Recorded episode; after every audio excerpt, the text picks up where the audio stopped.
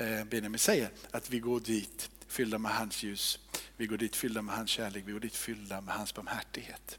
Så, ehm, för jag tror vi kan förbereda oss på att Gud kommer nog att tala till, till många av oss och vilja sända oss både till det ena och det andra stället eftersom Gud är full utav överraskningar och söker med sin blick efter att finna den som har ett villigt hjärta och vill säga sitt ja och sitt amen han säger. Så ehm, förvänta dig att den här hösten kanske Gud talar till dig om en livsuppgift, kallelse, om en längtan att få röra dig in i det som Gud har för dig.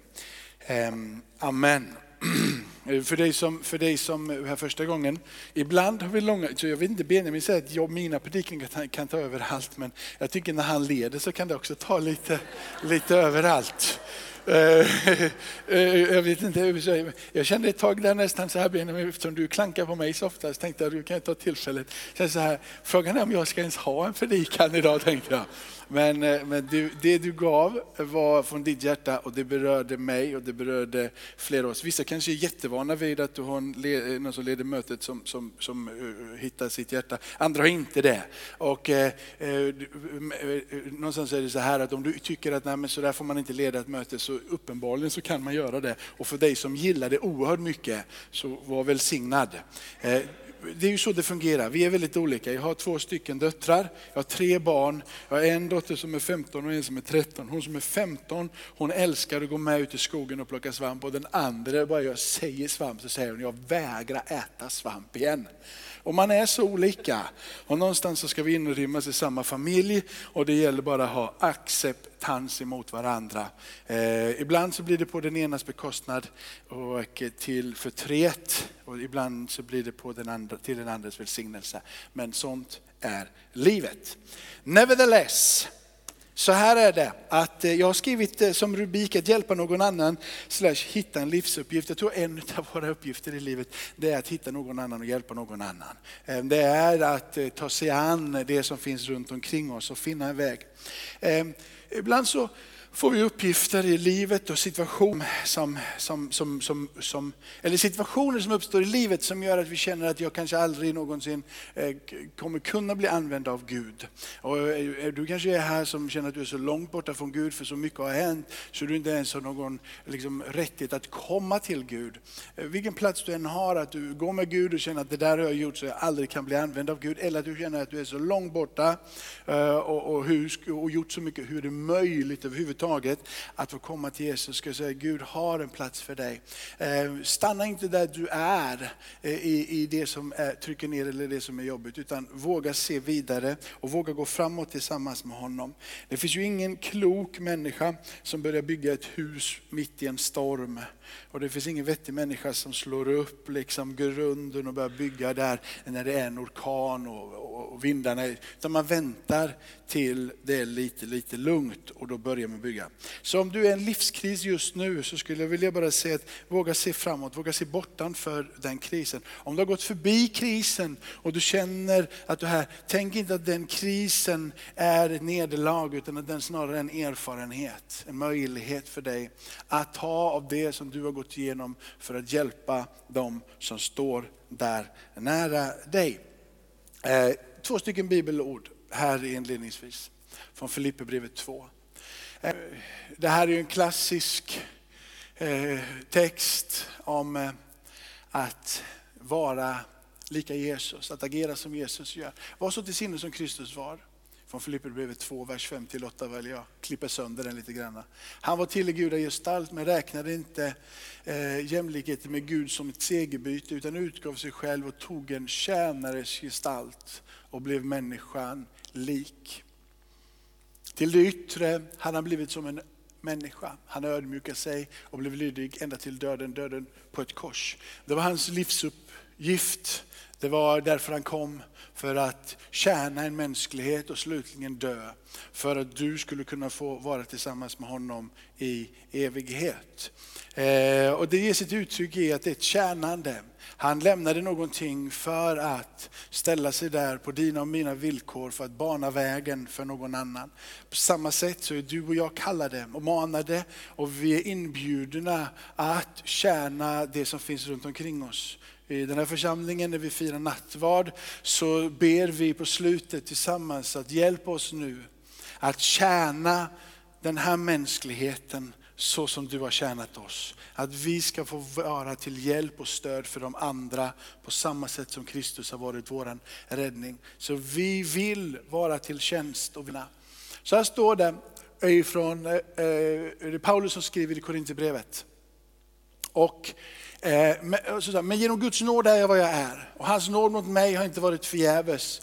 Och så, så, jag gillar den här kontrasten som ligger emellan. Utan jag har arbetat med er än alla de andra. Och så säger han, fast inte jag själv, utan Guds nåd som har varit med mig. Det är som man säger att jag har arbetat, men jag inser att jag hade aldrig klarat det om jag inte hade haft Guds på min sida. Om inte Gud hade gett mig kraften för det, så hade jag inte klarat det. Då hade jag fått kapitulera och ge upp. Men jag har gjort detta, jag har arbetat mer än alla, men jag har inte varit själv. Och eh, det sättet att gå in i tjänande, det vill säga det sättet sättet att gå in i partnerskap med Gud är som en medarbetare, som någon som gör tillsammans med Gud, snarare än att du gör det. För är det du som gör det så kommer det bli ett ok. Är det du som gör det så kommer det att bli en börda. Om du gör det för att du ska må bra i den uppgiften så kommer du till slut att bli tyngd av uppgiften. Men att göra någonting för någon annan är alltid bra. Men om det är Gud som ger dig kraften att göra det, om målet med det du gör är större än dig själv, så är syftet med det du gör större än dig själv. Och jag tror att hitta en livsuppgift och en kallelse över sitt liv för att vara större än en själv. Kretsa inte bara kring det som är det lilla. Jag tror att alla människor, inklusive jag själv, alla människor vill hitta en meningsfull vardag. Att varje dag komma upp och göra någonting som är meningsfullt. Jag tror att det är lätt att hitta inspiration till någonting som är nytt. Det vill säga här och nu idag så är det lätt. Men precis som när du köper en tröja eller en ny telefon så blir den gammal ganska snabbt och du söker efter någonting nytt. Men Gud har kallat oss att faktiskt inte bara göra någonting för en sekund utan han har kallat oss att göra det ända till den dagen som han kommer tillbaka. Då behöver vi den här nåden. Och nåden från Gud, nåden från Gud, eh, om du ser nåden från Gud, eh, alltså nåden från Gud växer i ditt liv där mina och dina uppgifter sammanflätar med vad som är hans vilja. Tillhörigheten, om jag får säga så istället, tillhörigheten till Gud, det vill säga att du tillhör Gud, ger mening med din livsuppgift Mer än bara att du bygger ett hus eller bygger en karriär. Eller bygger, när du har en tillhörighet till Gud, det vill säga en gemenskap med Gud, så blir det du gör större än dig själv. Din livsuppgift får näring. Och om du har en tillhörighet till Gud i det du gör, så blir det ingen skyldighet och plikt. Utan det blir en inbjudan att vandra tillsammans med han som är högre än dig och som vill dig väl. Närheten till Gud gör våra arbetsuppgifter, våra uppdrag mer näringsrika. Så, så, både närheten till Gud, tillhörigheten till Gud, att veta att du står i en relation och en gemenskap med Gud, gör att det du gör blir rikare. Det vill säga också då motsatsen. Det vill säga att om du inte känner att du har en uppgift, att du inte känner att du har en tjänst, så blir det ju synonymt med att också då ditt liv blir fattigare. Det blir fattigare att inte göra någonting. Så ett liv utan en uppgift blir fattigt. Ett liv utan att få ge blir fattigt. Och jag skulle till och med vilja sträcka mig så långt, eller drista mig så långt att säga, det är lätt och det är skönt att ta emot. Men om ditt liv går ut på att du ska ta emot, så kommer ditt liv också i slutändan att bli fattigt. Det du tror är att ta emot det här, vad härligt och det blir. Det är som att du tar emot och du tar emot och du tar emot och det enda som händer är att du både blir fattigare, mindre och till slut så tynar du. Men när du reser dig upp och du går in i en uppgift för att ge och möta det som är runt omkring så växer du och du får kraft. Ett annat ord för nåd skulle kunna vara att du blir accepterad. Vi alla söker nämligen acceptans.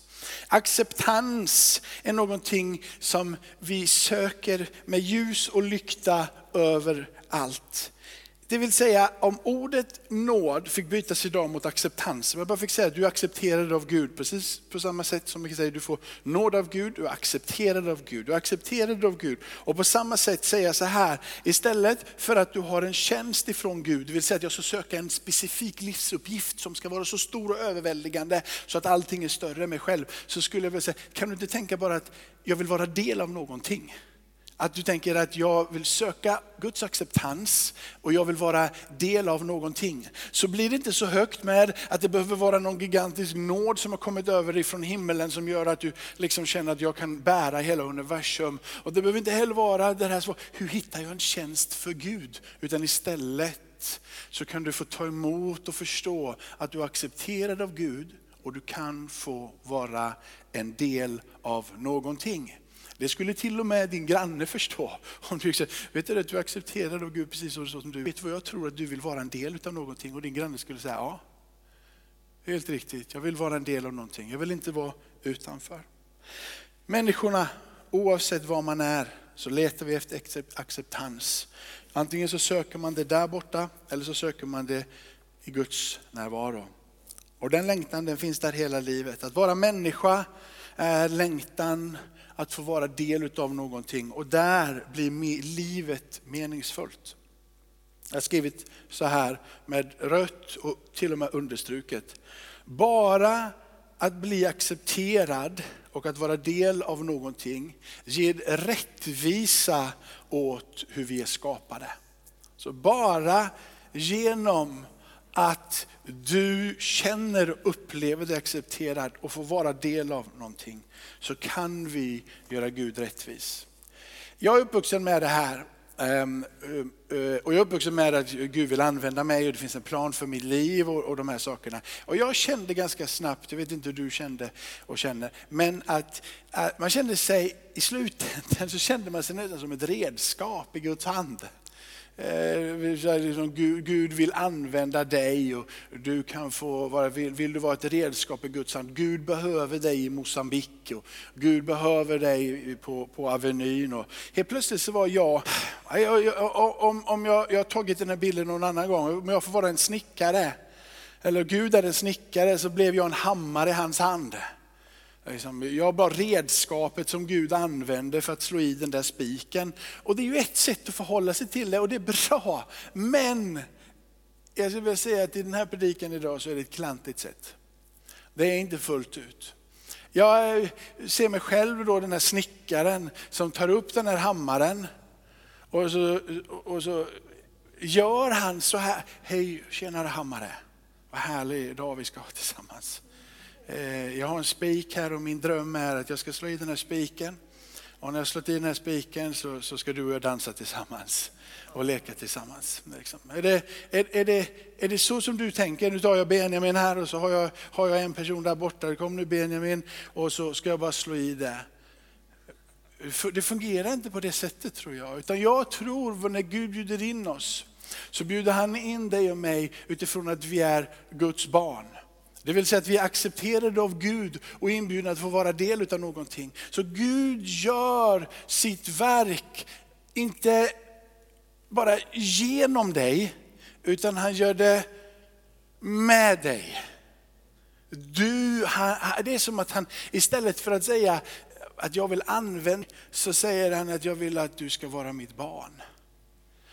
Det vore patetiskt att tänka att Gud vill hela dig, upprätta dig, se till att du ska växa in i hans rike för att sen kunna använda dig. Det är ungefär som att jag skulle säga så här, så jag längtar så till, till min dotter Novali tills hon är lite, lite äldre för då kan hon ta hand om hela hemmet. Här. Då kan hon städa och då kan hon, hon eh, liksom laga all maten och hon kan se till att till och med börja jobba lite så hon kan betala hemma. Helt plötsligt så, så blir det nästan som att jag väntar och längtar till jag kan utnyttja henne. Och det är inte så som jag förhåller mig till Novali.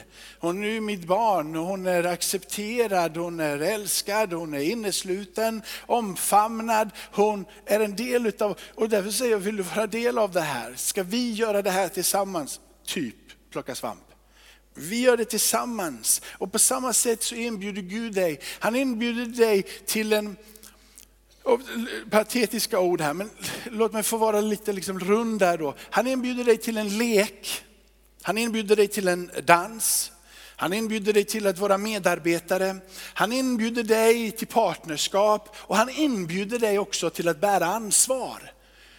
Han inbjuder, det är ingen skyldighet och det är ingen plikt. Och ibland så har vi gjort det vi gör tillsammans med Gud till en skyldighet och till en plikt. Och när vi gör det till en skyldighet och ett måste så blir det en börda att bära. Men är det en lek, en dans, ett partnerskap, eh, liksom, eh, vi gör det gemensamt tillsammans. Så blir det också när han säger att du får bära ansvar, inte heller det som är tungt. För det inneströmmas i barns liv. Vi blir ett tillsammans med honom. Och Det här är det djupaste sättet att förstå att du inte är ett redskap i Guds ögon och i Guds hand. Utan att du är inbjuden till en relation tillsammans med Gud. Eh, I mina papper här står det, så jag får nog strunta i papperna för det tar för lång tid. Men eh, jag brukar ha ordning så det blir inte sådär hokus pokus. Liksom. Men, men det är ju så här att Gud är ju relationell i allting han gör. Så Gud väljer ju att komma ner, inte, inte sitta uppe från himlen och säga hur allting ska gå till, utan han väljer att bli människa för att öppna upp dörren och möjligheten för dig och mig att inneslutas och gå in i den relationen, där vi kan få höra Guds andetag, känna honom, umgås tillsammans med honom och på det sättet komma ut i din och min livsuppgift, komma ut på den platsen. Eh, och sen så har vi den nästa del i det hela. Och det är ju den här att när man då kommer till den här platsen, vad är det för någon roll vi har? För du har ju ett mänskligt sätt att förhålla sig till det här. Det finns någonting utav det här barnaskapet som står i gnuggningen emellan att leva i den här vinneslutas i Guds rike och det som är Guds vilja och Guds väg framåt. När Jesus talar med de skriftlärda eller med folket och med, till lärjungarna och påvisar hur fariseerna agerar i sitt sätt att förhålla sig till att tjäna och att hjälpa andra så pratar han ganska tydligt om att han, fariséerna och de laglärda och skriftlärda, de pekar väldigt mycket på det yttre. De pekar på hur man ska bete sig och vad som är viktigt att få ett anseende. Och Jesus är ganska tydlig, till exempel i Matteus 23, att det inte är på det här sättet som ni ska vara. Den som är störst bland er ska vara den andres tjänare. Var och en som upphöjer sig själv ska bli förmjukad och var och en som ödmjukar sig ska bli upphöjd. Det är från platsen av relation som vi måste se våra tjänande. Det är en möjlighet att få tjäna tillsammans med Gud. Det är en möjlighet att få åka på missionsfältet och det är en möjlighet att få stå där tillsammans med honom. När han precis i början av kapitel 23 säger att de sitter på Mose lärostol, så pratar han om en position och en plats. Att det finns en, en ordning över hur olika saker sker utifrån ett tjänande perspektiv, utifrån en relation och gemenskap. Detta leka, dansa, vara medarbetare och ta ansvar i hans församling och ut över hela världen. Den parallella är att det finns en ordning i det, för de sitter på läret. Det är inte så att Jesus är emot, det är dåligt ord, men att han är emot, kallade, liksom, inte rangordning, uppifrån och ner, men att det finns platser med mer eller mindre ansvar liksom, det finns olika typer av tjänster och gåvor. Att det finns en, en, en, väg där. Och det är inte så att Jesus är emot dem. En, en biskop som fanns här i Göteborg från 1800 var det inte, 1949 fram till 1970-71 någon gång där, som heter Bo Gertz. Han pratade om att, att det finns äroplatser äroplatser. Och det är någonting som, som, som kristenheten har pratat om i alla tider. Att det finns platser som Gud har förberett åt oss. Och det är, på, det, det är inte de här platserna i sig själv som är problemet. Problemet är lusten och iven efter att få den här platsen. Det är när plats, position får bli ett surrogat, det vill säga någonting som mättar mättar ditt behov utav att synas, att få vara med. Nej, när titlarna eh, är där och du söker beundra människor, Det är då som det här tjänandet som livsuppgift hamnar i bakvatten. Det är då det blir fel. Och det är där som Jesus går in och pratar om att den som är störst är den som tjänar mest. Men där Kristus är Herre, där Kristus är Herre, det är han som bjudit in i gemenskapen, det är han som är Herre. När han är Herre i ditt liv, där blir gemenskapen, samarbetet i andan utav vänskap tillsammans med Gud. Självklart så står du till förfogande för vad han vill göra. Och du säger att jag kan vara till nytta vad som helst. Gud använd mig. För det är en anda av relation och gemenskap som Gud insätter position. Attityden blir störst är den som tjänar mest. Jakob och Sebadeus eh, Jakob och Johannes, Sebadeus söner. Jag kollar på klockan där samtidigt. Jag, jag håller på någon minut till och sen så, så, så går vi in för landning. Det är bara att säga det att jag är på, eh, jag är på blad tre. Jag har tre till där bakom. Men, så det blir nog del två av, av, av det här också.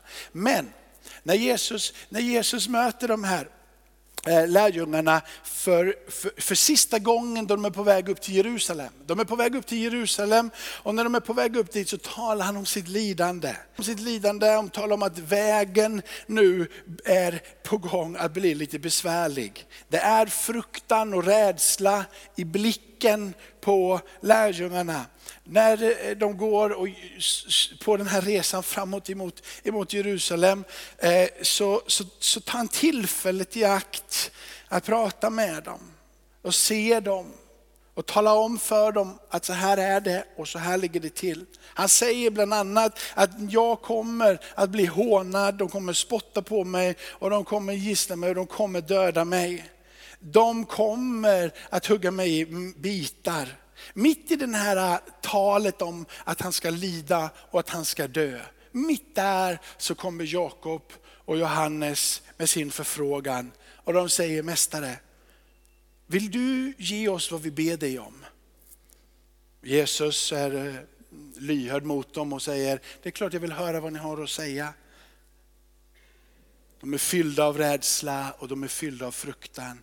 Och till Jesus så säger, så säger de, vad, eller Jesus säger till dem, vad kan jag göra för er? I det andetaget så, så svarar de, låt den ene få sitta på din högra sida i din härlighet och den andra på vänster sida. De tror ju fortfarande att Jesu rike ska bli etablerat här på jorden. Tror och förstår ännu inte att det rike han pratar om är ett andligt rike där han är herre på insidan. Han vill, de vill fortfarande se ett rike upprättat i Israel. Jesus säger då, vad, eh, ni vet inte vad det är ni ber om. Han säger, kan den kalk som jag dricker eller det dop som jag döps med, kan ni döpas i det? Man skulle kunna säga så här att Jesus säger så här istället. Kan ni bära det svåra lidande som väntar mig? Och kan ni ge era liv så som jag måste göra? Och så svarar de, ja det kan vi. Och jag vet inte vad de svarar på, om de förstår vad det är han säger, troligtvis inte. Men Jesus säger, ja den kalk som jag dricker, alltså det lidande jag ska utstå, det kan ni få utstå. Och att jag ska ge mitt liv för er, ja det kan ni också få vara med om. Det vill säga att vi kan få tjäna så som han tjänade. Med samma nåd som han tjänade med, med samma kraft som han tjänade med, med samma liv som han tjänade med. Det är djupare än att bara stiga ut i, i lite glatt frimodighet. Det är kraftfullare än att han skulle lämna dig och det är än att han någonsin skulle negligera dina böner. Han hör dig för han vet hur stort uppdraget är. Och när de andra tio hör det här så blir de ju fullständigt galna. De blir uppretade står det, de blir irriterade att de söker en sån här stor position och plats. Jesus tar tillfället i akt igen. Han säger ute i världen så söker folk att uppträda som herrar över andra, men så ska det inte vara hos er. Utan den som vill ha störst bland er ska vara den andra tjänare och den som vill vara främst bland er ska vara den andres slav. Och så säger han till människosonen har inte kommit för att bli betjänad utan för att tjäna och ge sitt liv till lösen för många. De var beredda, två minuter till, de var beredda att vad det än kostade få komma in i sin livsuppgift. De var beredda vad det än kostade att få vara med och leka, dansa, medarbetare om det än så kostade livet att få stiga ut i tjänst. Ambitionerna fanns där.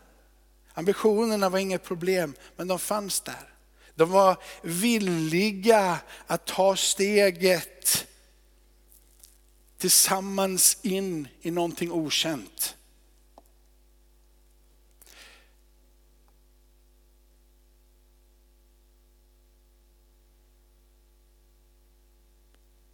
När Jesus ingen till sig själv att ännu en gång tala om den fullständiga olikheten emellan hur världen förhåller sig till ledarskap, tjänande, plikt, skyldighet, inbjudan. Och hur Guds rike och Gud ser på det. Han säger till dem ungefär att i den här världen så anses det stort. De som har makt tar sig privilegium. Och de tar sig privilegium och makt för att kunna själva vinna på det på bekostnad på andra. Men jag säger er att i Guds rike så är man satt att tjäna även om du blir satt att styra. Det stora är att vara till för andra. Och det är min poäng idag. Vara till för andra. Att inte vara till för sig själv och mig och mitt. Att inte vara till först och främst för de som är likasinnade utan vara till för andra. Andra.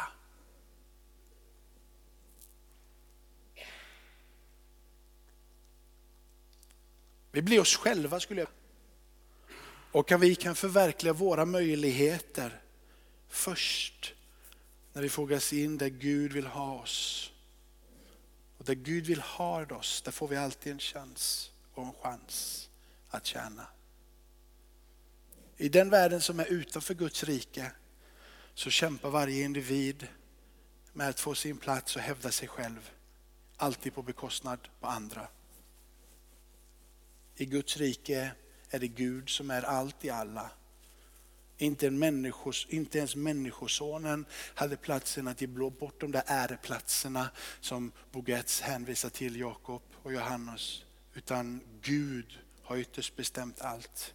Och Jesus tjänar, han går under den ordningen. Därför får världen uppleva det obegripliga.